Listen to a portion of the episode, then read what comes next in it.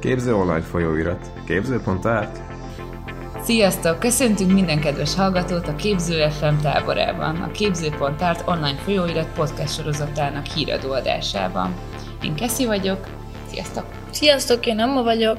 A híradó adásban a különböző topikok és témákkal kapcsolatos információt fogjuk veletek megosztani, és hogyha nagyobb eseményekre kerül sor a képzőpontárt életében, akkor ezt itt is közöljük veletek. Mai nap József Bajszról fogunk beszélgetni. Azért is választottuk igazából a Bajszt témának, mert hogy most van a századik évfordulója, és ezzel kapcsolatban egész Németország lázban ég, Bajszal kapcsolatos kiállítások vannak, az egyetemeken folyamatosan ezen pörögnek. Nemzetközileg kevésbé ismert Bajsz, és ezért nagyon örülnénk, ha minél több emberrel meg tudnánk ismertetni Magyarországon, mert nagyon fontos célkitűzései vannak, amik napjainkban is ugyanannyira érvényesek, talán még egyre jobban is, mint a 80-as években. Igen, nagyon fontos tudni Bajszról, hogy így a művészetet és a, a művészetnek a kritikai gondolkodását és a, a művészi hozzáérést a témákhoz, azt így az egész életére és az egész társadalomra kiterjesztett. A saját mítosza is ebből alakult, és az anyagok, amiket használ is ehhez kapcsolódnak. Vagy magát, a cselekvést, az emberi cselekvést is művészetnek tartotta. Úgy gondolta, hogy magával az emberi létezéssel, az aktív, reflektív gondolkodással már művészetet teremtünk. És nagyon fontosnak tartotta, hogy folyamatosan az ember, az egyén megújítsa önmagát, és folyamatosan cselekedjen.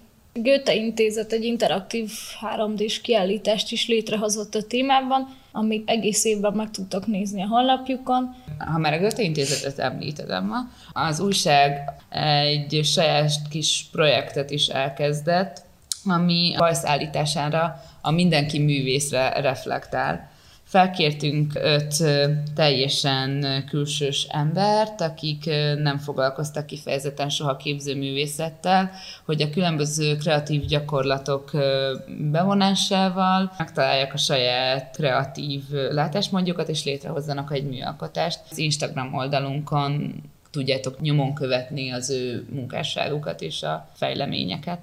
Beszélgessünk arról kicsit ki is József Bajsz. Érdekes már az, hogy arról egy saját magánmitológiát alkotott, hogy hogyan találkozott a művészettel, a művészet mindent átívelő erejével, és hogyan történt az, hogy rádöbbent arra, hogy tulajdonképpen ő művész szeretne lenni. Kezdetben egyébként József Bajsz orvosnak tanult, és a háború alatt pilótaként szolgált, és egy komoly vadászrepülőgép balesetben megsérült, és az egyik barátja el is hunyt sajnos. Úgy tartotta, azt mondja magáról, hogy annak köszönheti, hogy sikeresen megmenekült, hogy a krími tatárok találtak rá, akik komoly vastag filcbe csomagolták, és ebben a filc tömegben szállították el magukhoz, majd fél évig velük élt, meggyógyították, és utána visszatért egészségesen a hazájába de azt le kell szögeznünk, hogy baleset megtörtént. A dokumentációk alapján nem ápolták őt krímitatárok,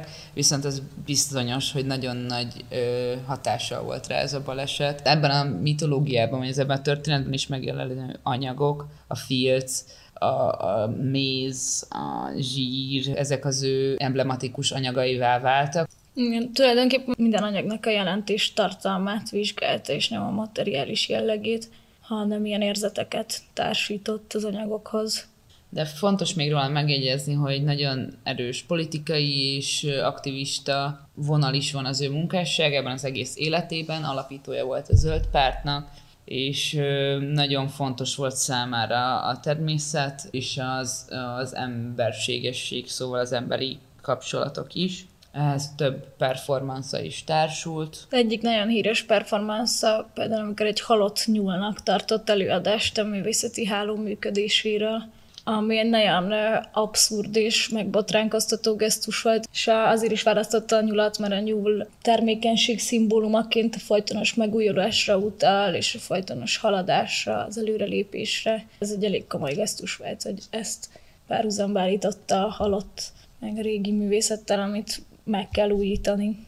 fontos része ennek a performance-nak, hogy a nézők, bár látták azt, hogy bemutatja ezt a kiállítást a nyúlnak, ők nem hallottak ebből az elbeszélésből semmit, mivel egy ilyen üveg hangszigetelt fal előtt nézhették csak. De így még a természethez kapcsolódik az a performance is, amikor összezáratta magát egy szobában egy préri farkassal. Igen, egy kajottal az amerikai őslakosoknak a, a életében és az egész világában egy nagyon erősen jelenlévő szimbólum, ugye ők együtt is éltek így ezekkel az állatokkal, szimbiózisban, és így ezzel akar tisztelegni ennek a közösségnek. Egy nagyon erős gesztusokat használt a munkáiban, Bajsz, és nagyon váratlan formát talált ki a performanszainak.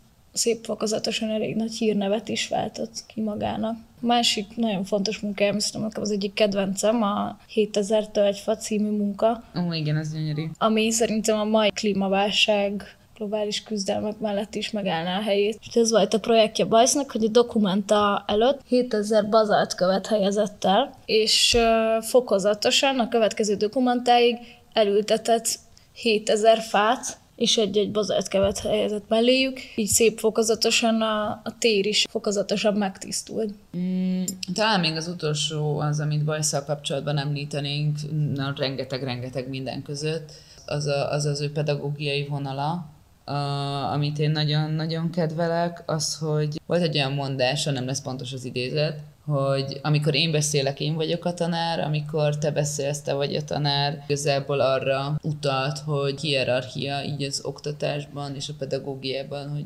ennyire nem kellene, hogy jelen legyen, mert mindig, mindig egymástól képesek vagyunk tanulni.